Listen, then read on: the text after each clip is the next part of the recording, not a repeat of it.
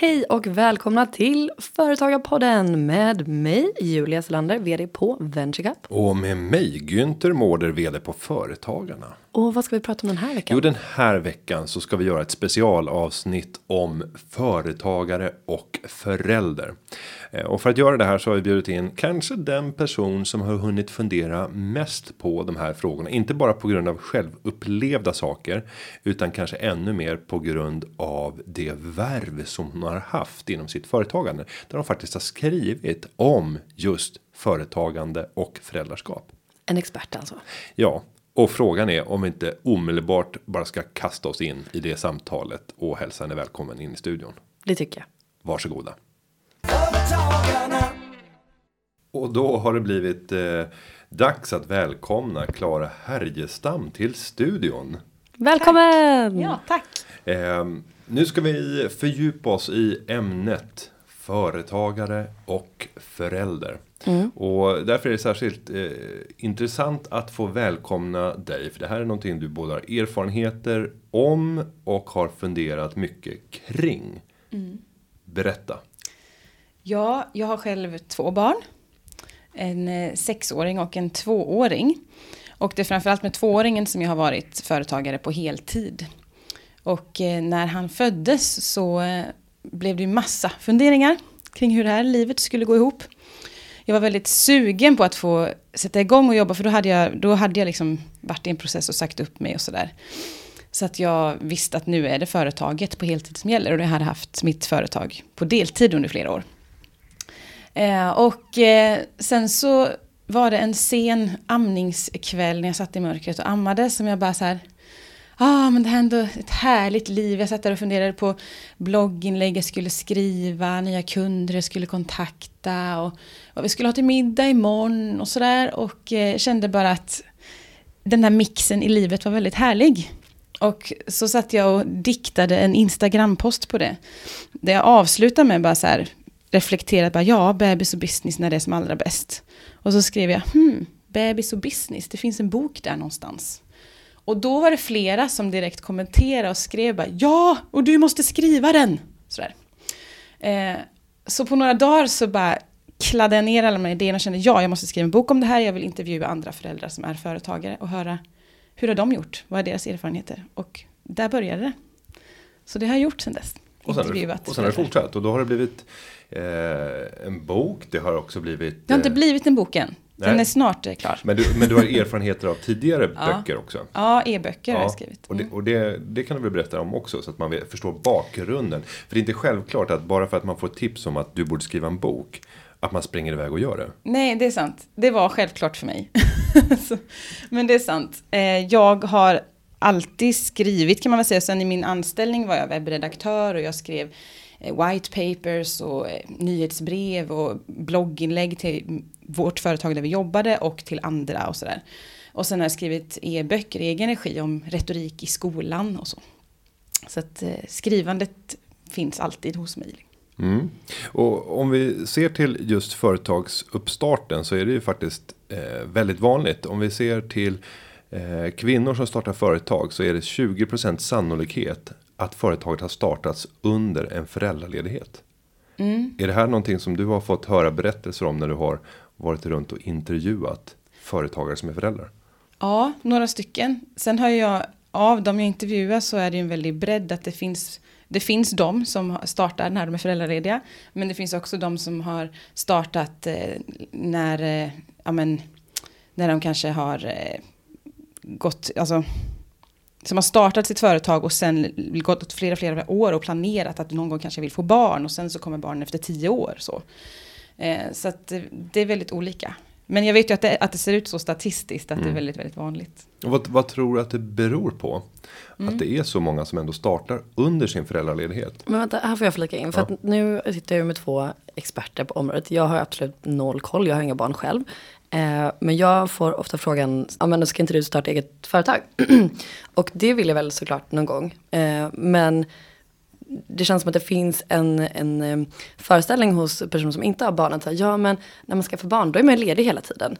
Eh, och jag tänker, hur resonerar man kring det? För jag, jag börjar misstänka att så är inte fallet. Så här, att vara föräldraledig innebär inte att du har oceaner av tid att lägga på ett eget företag. Utan du måste få det att funka. Och hur, hur, hur känns det? Kommer det som en chock? Liksom? Eller vad tänkte du innan? Eh, jag hann inte tänka så mycket på det innan, men jag har ju tänkt på det i, i med intervjuerna. För mm. den, den, frågan finns ju med i intervjun, just vad var planen och mm. hur blev det? Mm. Så. Eh, och eh, där är det ju där är det ganska stor skillnad att det finns, många tänker så här att men, jag kommer köra på som vanligt, mm. även fast jag får barn, det ska minsann inte stoppa mig. Och de som tänker så får ju ofta revidera sin plan. för att verkligheten inte ser ut så. Mm. Men, det, men revideringen av planen behöver inte innebära något negativt för företaget. Många säger ju istället att det blev inte alls som jag hade tänkt mig, men jag fick så många fler idéer. Jag fick tid att eh, affärsutveckla. Mm. Alltså man jämför det med en eh, vd, men Günther här, du kanske skulle, tänk dig om du skulle ha liksom ett halvår då du bara inte var på kontoret och ingen störde dig och du fick bara vara i dina tankar kring hur du vill utveckla verksamheten. Mm. Det låter väl som en dröm? Ja, mycket. och det är lite det som händer för många när de blir föräldralediga. Jag förstår. Och kanske eh, om man är då företagare så kanske man inte den föräldraledighetstiden kanske inte innebär att man tar ut föräldrapeng under den tiden utan man kanske också jobbar, alltså planerar sin verksamhet, funderar på vilka man ska ringa, ringer några samtal, har några möten, kanske bygger upp en blogg eller ett Instagramflöde eller sådana saker. Men i det finns det ju väldigt mycket tid för affärsutveckling och kompetensutveckling och sådär. Och om vi nu tar någonting som är aktuellt just nu när det gäller just det politiska fältet så har ju förslaget om nya föräldraförsäkringen släppts. Och eh, om man tittar på den så finns det ju eh, en rad eh, föreslagna förändringar. En av dem är eh, att eh, det finns generella moment som är menade att underlätta för eh, företagare att vara föräldralediga. Men det innehåller även ett förslag om att utöka de reserverade dagarna för föräldrapenningen från 90 dagar till 151 dagar. Hur ser du på ett sånt här förslag om man har för ögonen att man politiskt vill göra det lättare för företagare? Mm. För mig som kvinna blir det väldigt svårt att tänka att bara tänka tunnelseendet företagare. För då, då, om jag ska göra det, om jag ska svara på frågan utifrån det perspektivet, så tycker jag inte att det är så bra. Då mm. skulle jag vilja att det inte fanns något som var öronmärkt, att det var upp till var, vilken familj, var en som familj att bestämma och fördela föräldraledigheten. Utifrån hur livet ser ut hos just dem. Som kvinna eh, och som eh, kämpe för jämställdhet så eh, förstår jag förslaget. Jag, jag ryggade från början där också för jag, ah, det är någonting i mig som är så här, ah, låt folk bestämma själva. Så.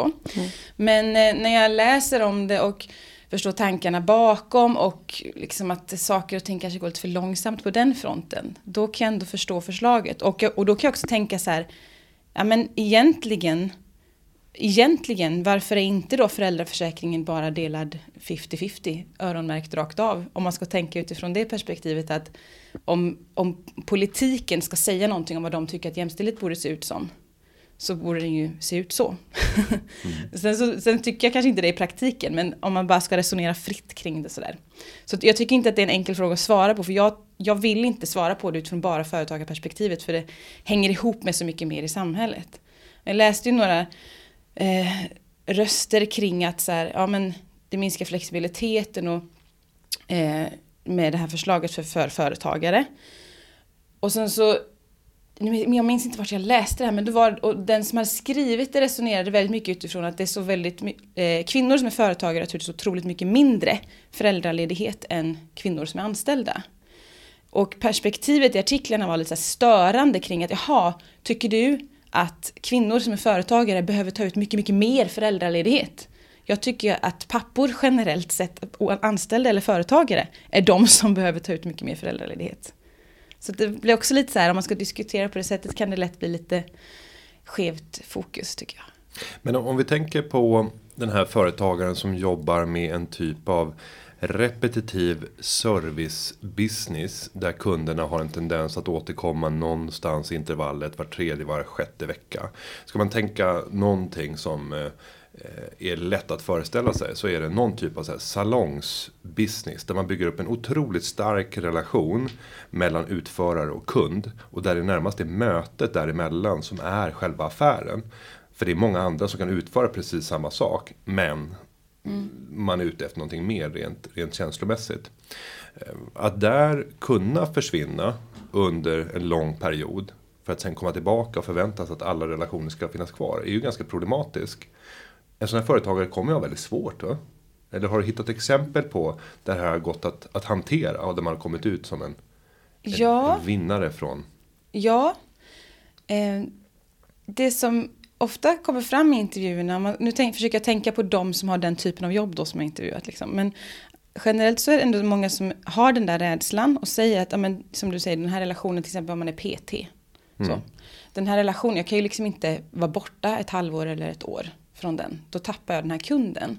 Men att de sen ändå har märkt att Ja, det är klart att den kunden inte kom till mig under det året jag var ledig. Men den kom tillbaka så fort jag sa att jag började jobba igen. Så att många vittnar om att den där rädslan också är obefogad. Faktiskt. Eh, och det, det tycker jag har varit en enorm uppmuntran och tröst. Dels i att man förstår hur otroligt viktig relationen är. Alltså när man jobbar också att man faktiskt kanske lär sig att värdesätta den ännu, ännu mer. Och jobba mycket mer för att bygga en så stark och nära relation till sina kunder så att man vet att de kommer välja mig sen igen. Så. Och, och fick du några magiska tips för hur gör man inför att man ska gå på en längre föräldraledighet om man har en sån väldigt stark relationsbusiness? Mm. För det finns ju olika sätt att, att hantera det. För det kan mm. ju vara så att man väljer att, att fuska eh, under föräldraledigheten. För att på olika sätt uppmärksamma sin kund eller skicka något meddelande. Eh, det får du absolut egentligen inte göra om du inte redovisar att du börjar ta ut dagar. Det skulle man aldrig komma på som företagare att göra. Även om man gjorde det. Mm. Eh, men just bara för att underhålla relationen, hålla den varm. Berätta mm. vad är det som händer i mitt liv, när kommer jag tillbaka. Mm om man tänker då inför, alltså innan bebisen kommer, mm. eh, då där finns ju olika strategier och det tror jag man får välja bara lite utifrån hur ens verksamhet ser ut och hur man kanske är som person själv. För att det går inte riktigt se utifrån intervjun att den ena eller andra skulle vara mer lyckad än den andra. Men en sån strategi är ju att man inte säger någonting om att man ska få barn. Man outar det väldigt, väldigt lite, så lite man bara kan för man är rädd. Så. Eh, och när då bebisen kommer så eh, tar man inte ut fullt föräldrapeng utan man jobbar ändå från dag ett på BB kanske. Eh, med att göra de här just kundmejlen och svara på frågor lika snabbt som vanligt och sådär. Eh, sen så finns det ju de som snarare planerar då i väldigt god tid. Som vet att, ja men okej, om ett halvår så kommer vi få barn. Eh, och redan då berätta det för kunder i ett möte. Jo men så här kommer framtiden se ut och att när man säger det så har man direkt också ett svar på det här kommer innebära det här för dig som kund till mig. Och då kan det handla om att Eh, en del har ju gjort lösningen att de har timanställt folk under tiden man har varit föräldraledig. Andra har använt sig av underkonsulter man, i de branscher man kan göra det. Att någon annan kommer och tar den här föreläsningen eller den här workshopen eller sådana grejer. Eh, och gör liksom direkt att man berättar hur läget är men också så här kommer du som kund fortsätta kunna vara min kund. Det är redan löst liksom. Eh, och det är väl, det gör ju att kunden ändå hela tiden finns kvar. Så då behöver man ju aldrig vara rädd för det där att den kanske försvinner och kanske kommer tillbaks då, som ändå många vittnar om. Och det låter väl som en, eh, ja, som en drömsituation. Alltså som att man eh, planerar för kunden. Det bygger också ett förtroende för, för kunden och relationen. Mm. Mm. Mm. Klurigt. Ja, men sen har du ju en annan typ av, av business. För tänker man många, om du tar PT som exempel, olika typer av salonger. Mm. Eh, då är det ändå relativt kort startsträcka för att kunna börja leverera. Om du tar en annan typ av företagare så är det den som hjälper till med kreativa processer. Det kan vara kopplat till marknadsföring, PR, kommunikation. Där du måste verkligen gå in i kunden och förstå kundens väsen för att kunna leverera. Så det är en ganska hög tröskel för att börja leverera värden till kunden. Och där man måste bygga upp den här relationen. Så det är en startsträcka. Mm. Eh, och där kan jag ju tänka mig att riskerna kanske är större. För har man då gått över till en annan person som då under något kvartal eller två har börjat lära känna, börjat hitta nya sätt att formulera, kommunicera. Mm. Och då är det kanske inte lika nött och tvunget att man känner att ah, men nu är min gamla person tillbaka. Mm. Och sen så har du börjat på ett spår som ofta är ganska långsiktigt när det gäller marknadsaktiviteter eller kommunikativa insatser. Det är ingenting som man vänder från en dag till en annan. Utan då har man hittat ett spår som man långsiktigt vill göra. Det gäller att fundera över. Har du sett några sådana olika typexempel? Där det skiljer sig åt mellan hur stora inträdesbarriärerna är för att börja leverera värden till kunden. Mm. Jag måste fundera, gräva, gräva i minnesbanken bland intervjuerna. Jag tänker, alltså. Det du beskriver är ändå någonting som jag inte hört särskilt mycket av i intervjuerna. Alltså den här, om man, även de branscher där det kan vara så längre, längre inkörsport för att sen starta igen. Eh, så den som då har varit kund, när, om den i tid får veta att okay, min leverantör av det här kommer vara föräldraledig och, och vad det kommer innebära för oss. Eh, då kan det ju vara att man till exempel eh, redan har jobbat, jobbat in en bit av det som behöver göras under den här föräldraledigheten. Så att det liksom finns kanske ett glapp på fyra fem månader då det inte finns någon leverantör. Men att den kunden i så fall många gånger ändå väljer, så här, alltså under de fyra fem månaderna är det också jobbigt för kunden att börja leta någon ny och någon annan. Eh, om man har den här relationen just. Alltså det, är klart, det finns ju alltid säljare som knackar på dörren och vill mm. erbjuda mm. liknande tjänster. Men det är ändå så här, det är riskabelt för kunden också att välja bort något som man vet fungerar även om vi får sätta någonting på paus lite nu eller ligga lite lågt med någon satsning just nu. Eh, så jag har egentligen inte hört eh, jag har inte hört berättelser om där föräldrarna upplevt att de har förlorat kunder. Eh, men sen är det också såklart så, de, det säger ju många, ja det har jag kanske gjort, men det vet inte jag om. Mm. så är det ju också. Men, men den upplevelsen är då i alla fall inte att och nej, när jag kom tillbaks så oh, jag fick jobba upp min omsättning i två år till liksom, för att det var så segt. Jag hade tappat två stora konton. Det har jag inte hört om.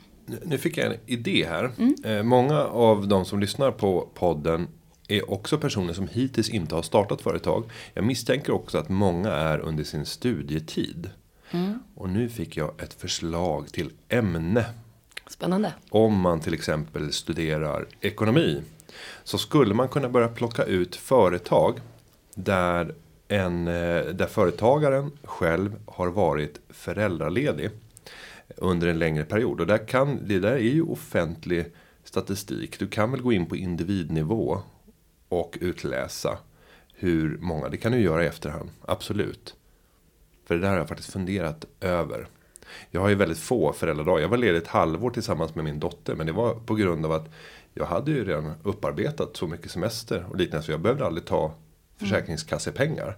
Sen så, och då tänkte jag i efterhand att det här kommer jag säkert bli kritiserad av någon gång i någon intervju. Där de säger att jag har aldrig tagit ut någon föräldraledighet. Nej, jag, jo, det har ja, ja, men jag har aldrig belastat systemet för det. Om det är att, att ta ut bidrag. Nej, då kanske jag inte har det. Jo, då har jag gjort det en gång, två veckor.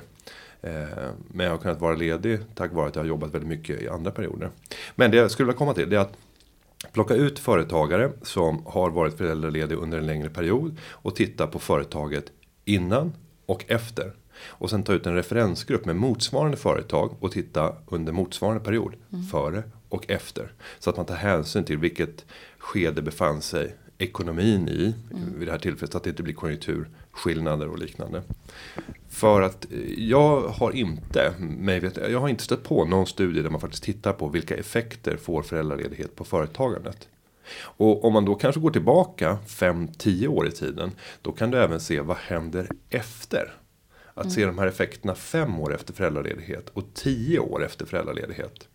Hade den positiv eller negativ inverkan? Mm, det vore ju jätteintressant, just den långsiktiga biten mm. tänker jag. För att alla som jag har intervjuat är ändå så här, när man får frågan, ah, men går det att vara företagare och förälder?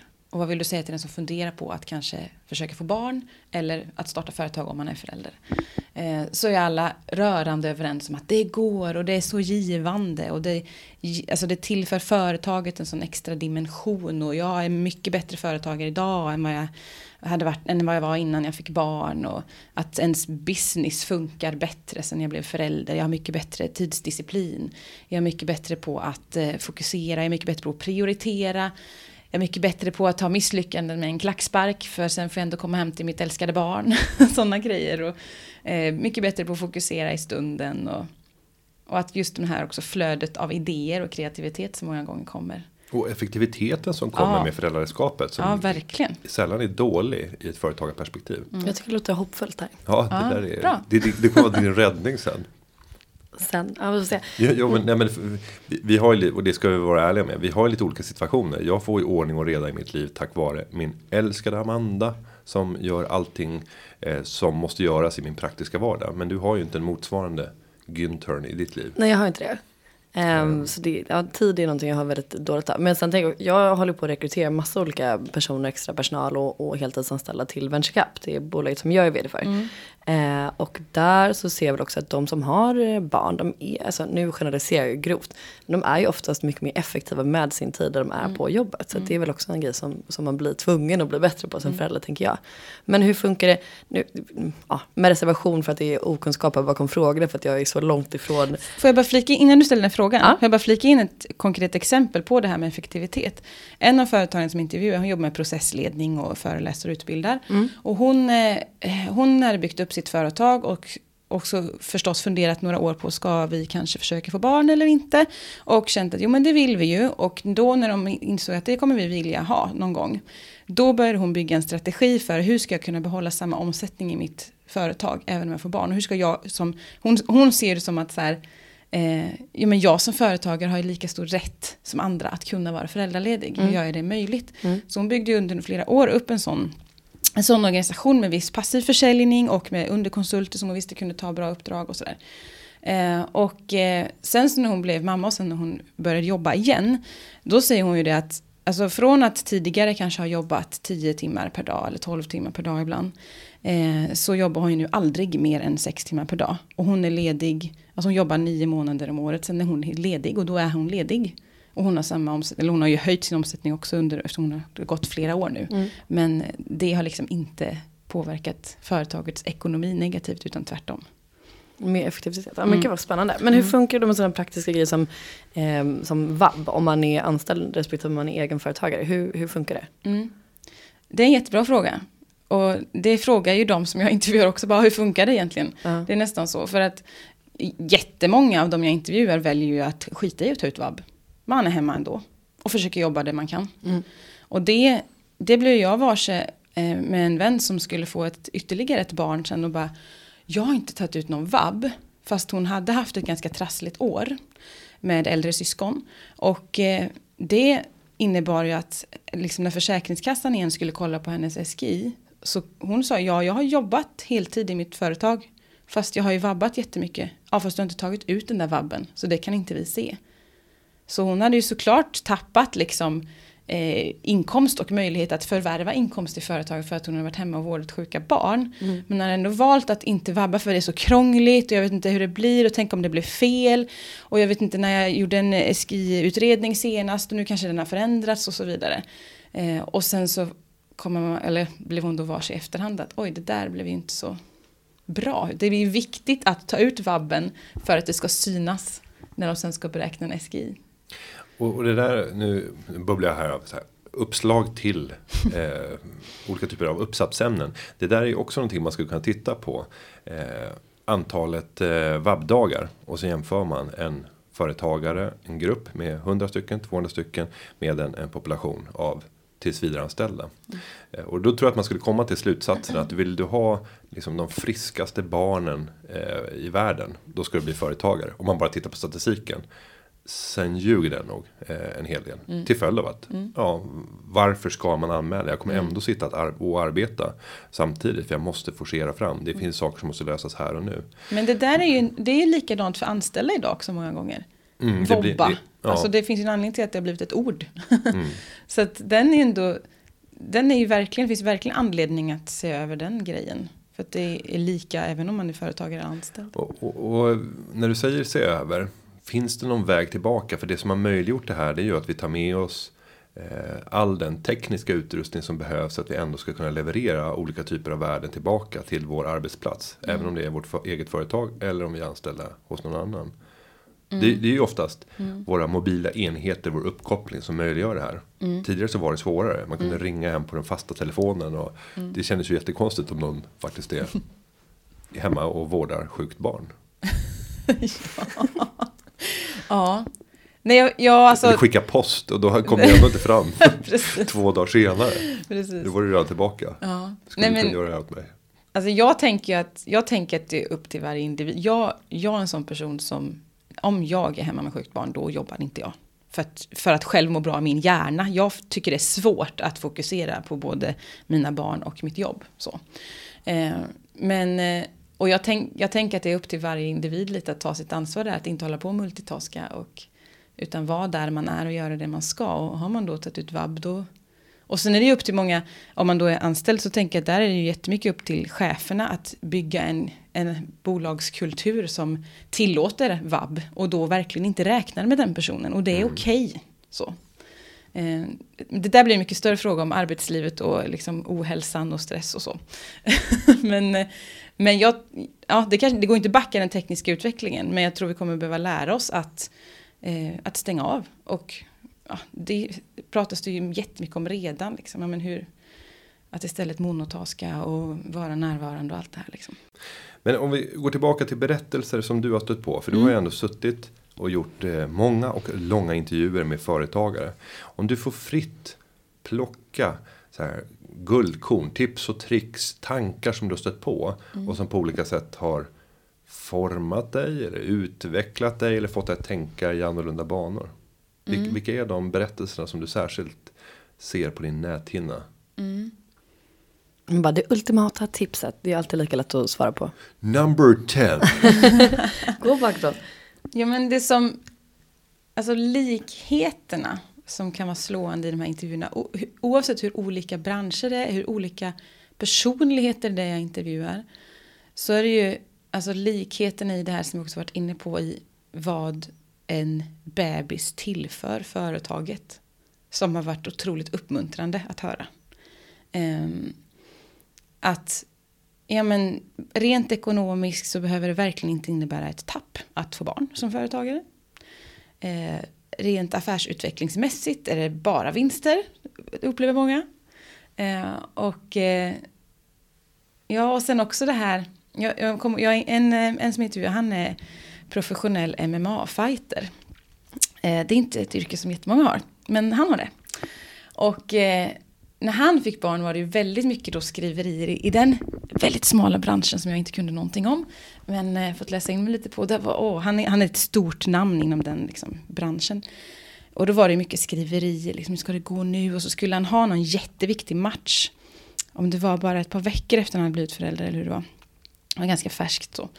Eh, och det var oj, oj, oj, hur ska det här gå liksom? Och hur ska han kunna fokusera och så här.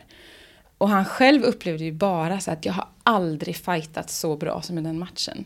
Eh, och att han efteråt kunde berätta och intervjua liksom, att ah, men det fokuset som jag hade nu, liksom, den här känslan av att tidigare hade det alltid varit så här, varje match, det liksom det här är mitt liv, det här är mitt allt, jag måste vinna. Till att nu bara så här, nu ska jag fightas, sen ska jag gå hem till min son. Så här. Det fokuset som då blev av att kunna ta det lite mer med en klackspark. Och det blir, så, det blir så löjligt tydligt i en MMA-fighters liv. Men det är precis samma berättelse som återkommer oavsett vad man jobbar med. Jag får ju så här absurda bilder. Jag, vet inte, jag, jag, bara, jag bara ser så här. Nu ska jag bara krossa den här jäveln på andra sidan ringen. Bara, du ska ner, det ska rinna blod. Sen ska jag gå hem till Det var fantastiskt. Ja. Vilket fokus. Ja, jag, har aldrig, jag har aldrig sänkt en annan människa så fort. Men du har väl stängt både en och andra personer i, i ditt yrkesliv också tänker jag. Kanske inte, inte lika billigt och fysiskt. Inte fysiskt. Men på andra sätt. Så det är nog, eh, det är nog inte så stor skillnad. Skulle kunna tänka. Ja, jag kan tänka mig att du har tänkt på det en och tre gånger. Sen ska, jag bara mysa mina barn. Men jag tycker det är verkligen Vilka, eh, ja, inspirerande. Mm. Ja. Men om vi fortsätter och tänker så här berättelser och eh, kanske några tips och tricks som har eh, ja, kommit till dig genom de här samtalen. Mm. Har du några fler? Ja, då, då kommer jag att tänka på en, eh, en eh, person som eh, hon jobbade hon tog liksom inte ut så mycket föräldraledigt utan hon jobbade men med bebisen då. Hennes partner jobbade också under tiden så att säga, så han var inte ledig då. och hon hade ju lite olika lösningar för att kunna jobba då när bebisen sov. Då var hon ofta mycket ute och gick, det är liksom vanligt, man går sina barnvagnspromenader. och inte sällan så passar man på att ringa lite samtal. Eh, och kanske vilja mejla lite och sådär. Men det, var, det är lite krångligt med mobilen. Så hon byggde en slags laptopbricka som gick att ställa på vagnen. Så, här. så att hon kunde gå och sen bara snabbt upp med laptopen, skicka lite mejl och sådär. Hon har stått och jobbat vid ett elskåp och så här berättar hon. Så det är ett bra eh, tips. Att bygga en laptopbricka till vagnen. Och, och ett tips där som inte tillräckligt många tycker jag har prövat. Det är ju att jobba med röststyrningsfunktionen. Även när det gäller att mejla. Vi, vi tog upp det tidigare i ett avsnitt. Och Julia, du såg lite överraskad ut. Hur pass bra de är. Jag har aldrig använt, ursäkta, jag har aldrig använt typ Siri eller något sånt där på app. Alltså jag har aldrig någonsin, även när jag text, alltså nej. Och jag vet inte, jag känner mig ändå förhållandevis ung och teknisk. Men eh, jag vet inte, jag är liten på det där. Ja, jag gör det varje dag. Ja. Så här fem, fem, tio gånger. Och ungarna, för att inte tala om dem. Och särskilt då när de har kommit upp fyra, fem år. Det är ju det sättet som de navigerar på. Att prata med paddan för att styra det du vill göra. Hemläxa till mig och, och Ja, förkova för mig i det mig där. med tror jag. Jag, har inte, jag vågar inte heller. Nej men då tänker man då att man har ett sovande barn. Sen så kanske man ska tänka att kanske inte allt för mycket när barnet är vaket. Alltså vad får man för bild av sin förälder om man alltid går runt och pratar i telefon. Ja. Eh, Men de är så små, de fattar de ingenting. kommer ändå glömma. Men vad kommer du ihåg innan du var fyra år? Säg ett enda minne. Och det är typ så här. Ja, jag kommer ihåg när jag fick mitt syskon. Ja, Nej, det här var ett dåligt tips tycker jag inte. Men Okej, ett annat tips som jag Mm. kommer att tänka på det är det här med eh, att huruvida man faktiskt kan ta med barnen eller inte i, på kundmöten. Mm. Och det är också sådär att när man väl intervjuat ett stort gäng, att man ser att över olika branscher så, eh, så är, finns det liksom att hos föräldern många gånger finns det en känsla av att nej, nej, nej, det kan jag ju inte göra. Tänk vad de andra ska tänka, tänk om han eller hon stör och sådär. Eh, men att när man väl hamnar där och man bara, ah, jag måste ta det här mötet, är det okej om jag tar med min bebis? Så är liksom det otroligt välkomnat. Så. Att, ja men självklart, ta med barnen liksom och det går så bra. Och, och att då när det väl händer, också många som vittnar om att men det är ju när jag har fått mina barn som jag har fått en mycket närmre relation till mina kunder. För att plötsligt har vi kunnat också bonda, det är lite fånigt kanske, men plötsligt har vi kunnat bonda kring liksom ett tydligt privat spår också där man kanske har saker gemensamt för att väldigt många är föräldrar. Men så tänker jag också att det är lite bebistricket där. Ja, ja Det men absolut. man det- planerar men att det ska bli finns, så, men- Jag tycker att det är intressant att det, funn, att det så Många själva tycker ju att det är klart att en bebis får komma med, men inte kan väl jag ta med min. Mm. Att det finns ändå en sån otrolig rädsla i det som bromsar många. Men när, det väl, när man blir tvungen eller när man bara, ah, jag måste. Då, eh, då märker man att det oftast är väldigt bra. Mm. Ofta ska jag säga. För det finns ju verkligen skillnader också i lite branscher. Jag intervjuade en folkmusiker och en så här som har, hon driver en teater. Eh, och de, för dem var det ju som en icke-fråga, vad menar du? Det är klart barnen är med. Så, för att allas barn är med typ hela tiden för det är någon slags kollektiv eh, känsla, kultursfären liksom. Ja, ni fattar. Och medans en, eh, hon som jag berättade om tidigare som flyttade upp till Dalarna, hon, hon märkte en jätteskillnad i att i Dalarna var det ju helt okej. Men hon skulle på sina kundmöten och styrelseuppdrag, hon var ledarskapscoach och så. Eh, och när hon skulle på det i Stockholm så då bara skrattade hon och bara, det skulle inte komma, förekomma att jag tar med min bebis in i ett styrelserum i Stockholm. Fa- Fast där ska jag rätta. För jag har ju, Mm. har ju hunnit avverka många styrelser. Ja, Eh, och jag har varit med om det väldigt ofta. ja. Och framförallt när barnet är väldigt ungt. Alltså när vi pratar upp till fyra månader. Då det fortfarande går att bara med hjälp av amning och liksom en vagn ta hand om, om barnet. Då, då har det funkat. Sen så när man kommer upp på så ett år. Nej, då är det helt omöjligt i styrelsesammanhang. Och man börjar gå och vingla omkring och lever rövare. Och sen blir det problematiskt upp tills de är typ tre. Eh, för från tre har jag kunnat börja ta med mig mina barn ut på föreläsningar. Jag brukar ju placera dem uppe på scen. Så då får de sitta med ansiktet ut mot publiken för att de ska vänja sig vid att titta på så här.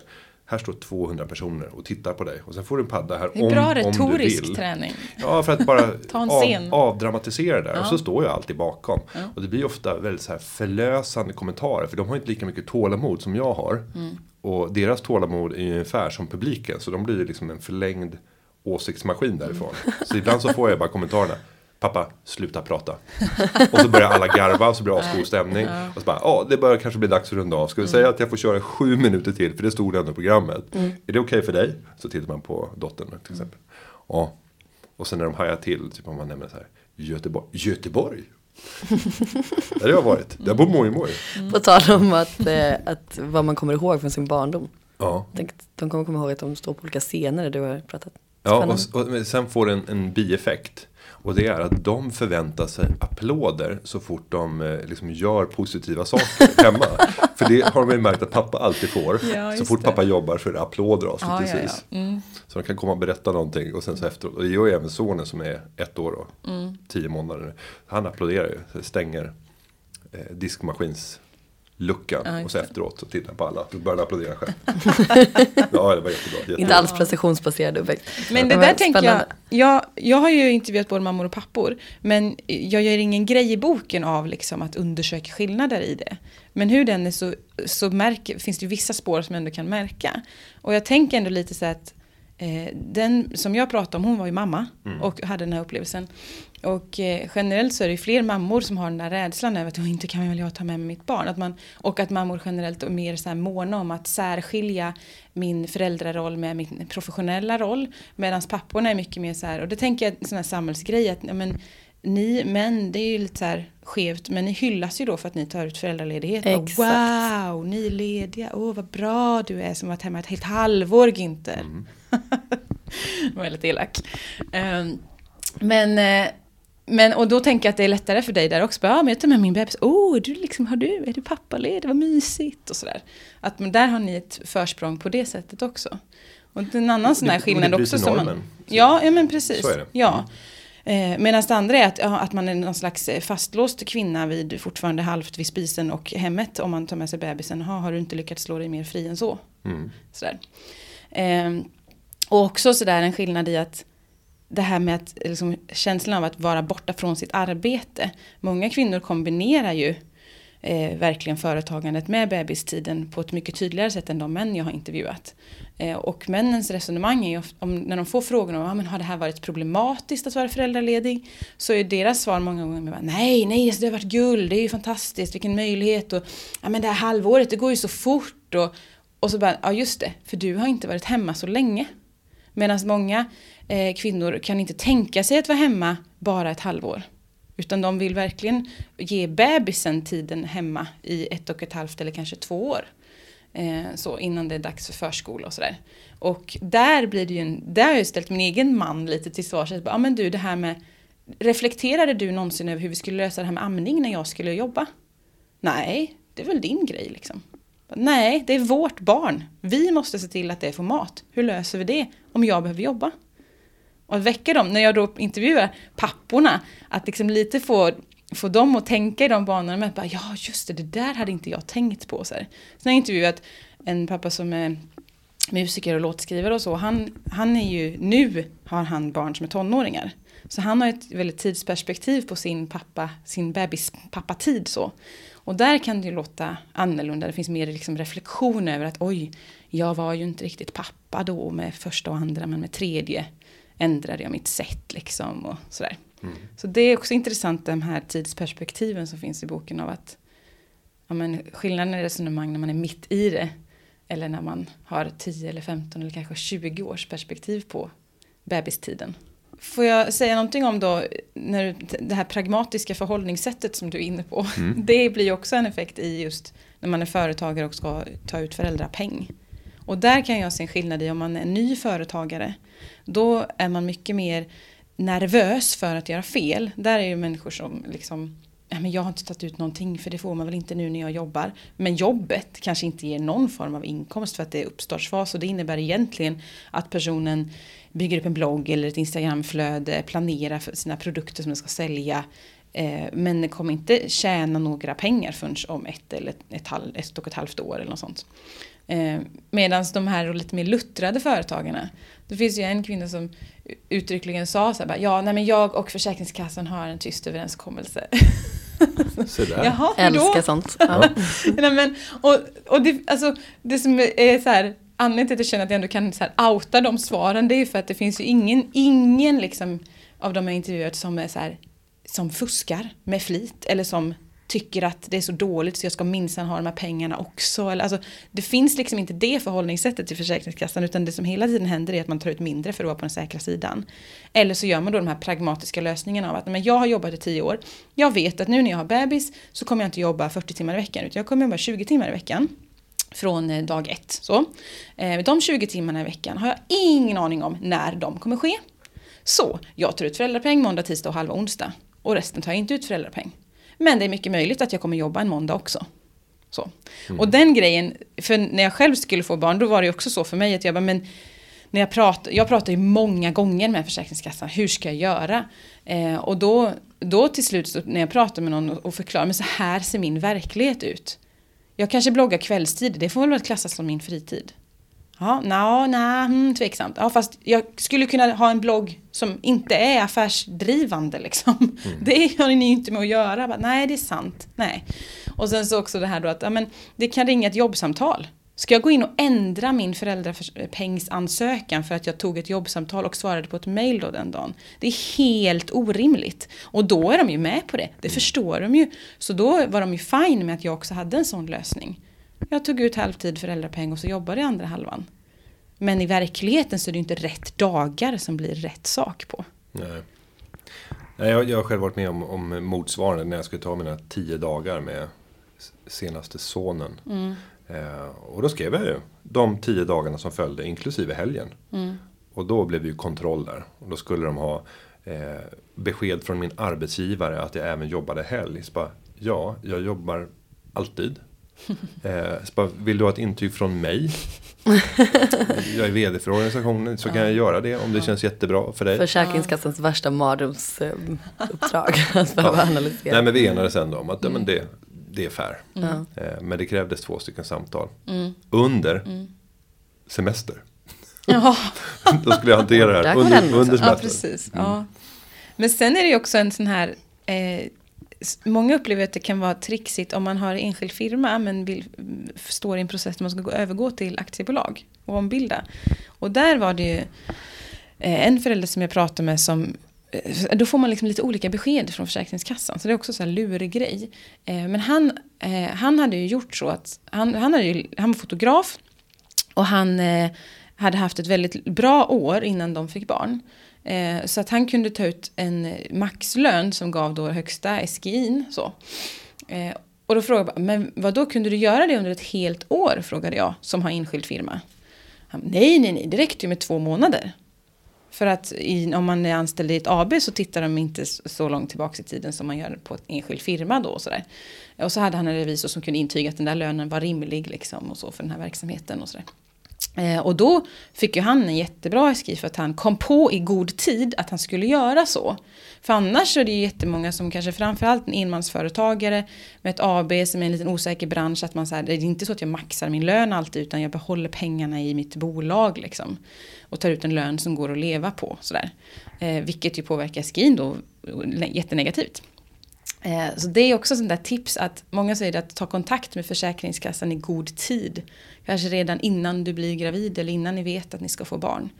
Eh, och prata, var beredd på att du också kommer behöva prata med dem flera gånger. För att du kommer själv få nya frågor, du kommer själv ha fler scenarier. Liksom. Men nu blev det så här med mitt företag. Eller kanske kan jag göra så här, vad händer om jag ombildar nu? Eller ska jag vänta, vad blir smartast? Och vad, sådär. Så att verkligen ta den kontakten i god tid. Och jag tycker, alltså ibland man klagar på Försäkringskassan när det gäller att slänga in det liksom frågan om Försäkringskassan till företagare blir lite som en fackla i en bensinmack liksom. Men, eh, men många är ändå så här, ändå i slutändan nöjda med kontakten med dem. Att man, liksom man får ändå, när man får prata med riktiga personer och verkligen får beskriva så här ser precis mitt liv ut. Då är de ändå ganska duktiga på att, att göra bedömningar utifrån varje enskilt fall. Eh, min och ändå många andras upplevelse så. Sen kan man ju tycka att ska det behöva ta så lång tid? Ska det behöva vara så? Att bara för att jag är företagare så måste jag lägga liksom tio gånger mer tid än vad en anställd måste på att få min SGI utredd.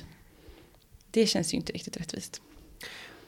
Jag tänker att som avslutning så eh, ska vi även lyfta upp vad har vi lyckats åstadkomma senaste tiden som på olika sätt gör det lättare för en företagare som också är en förälder.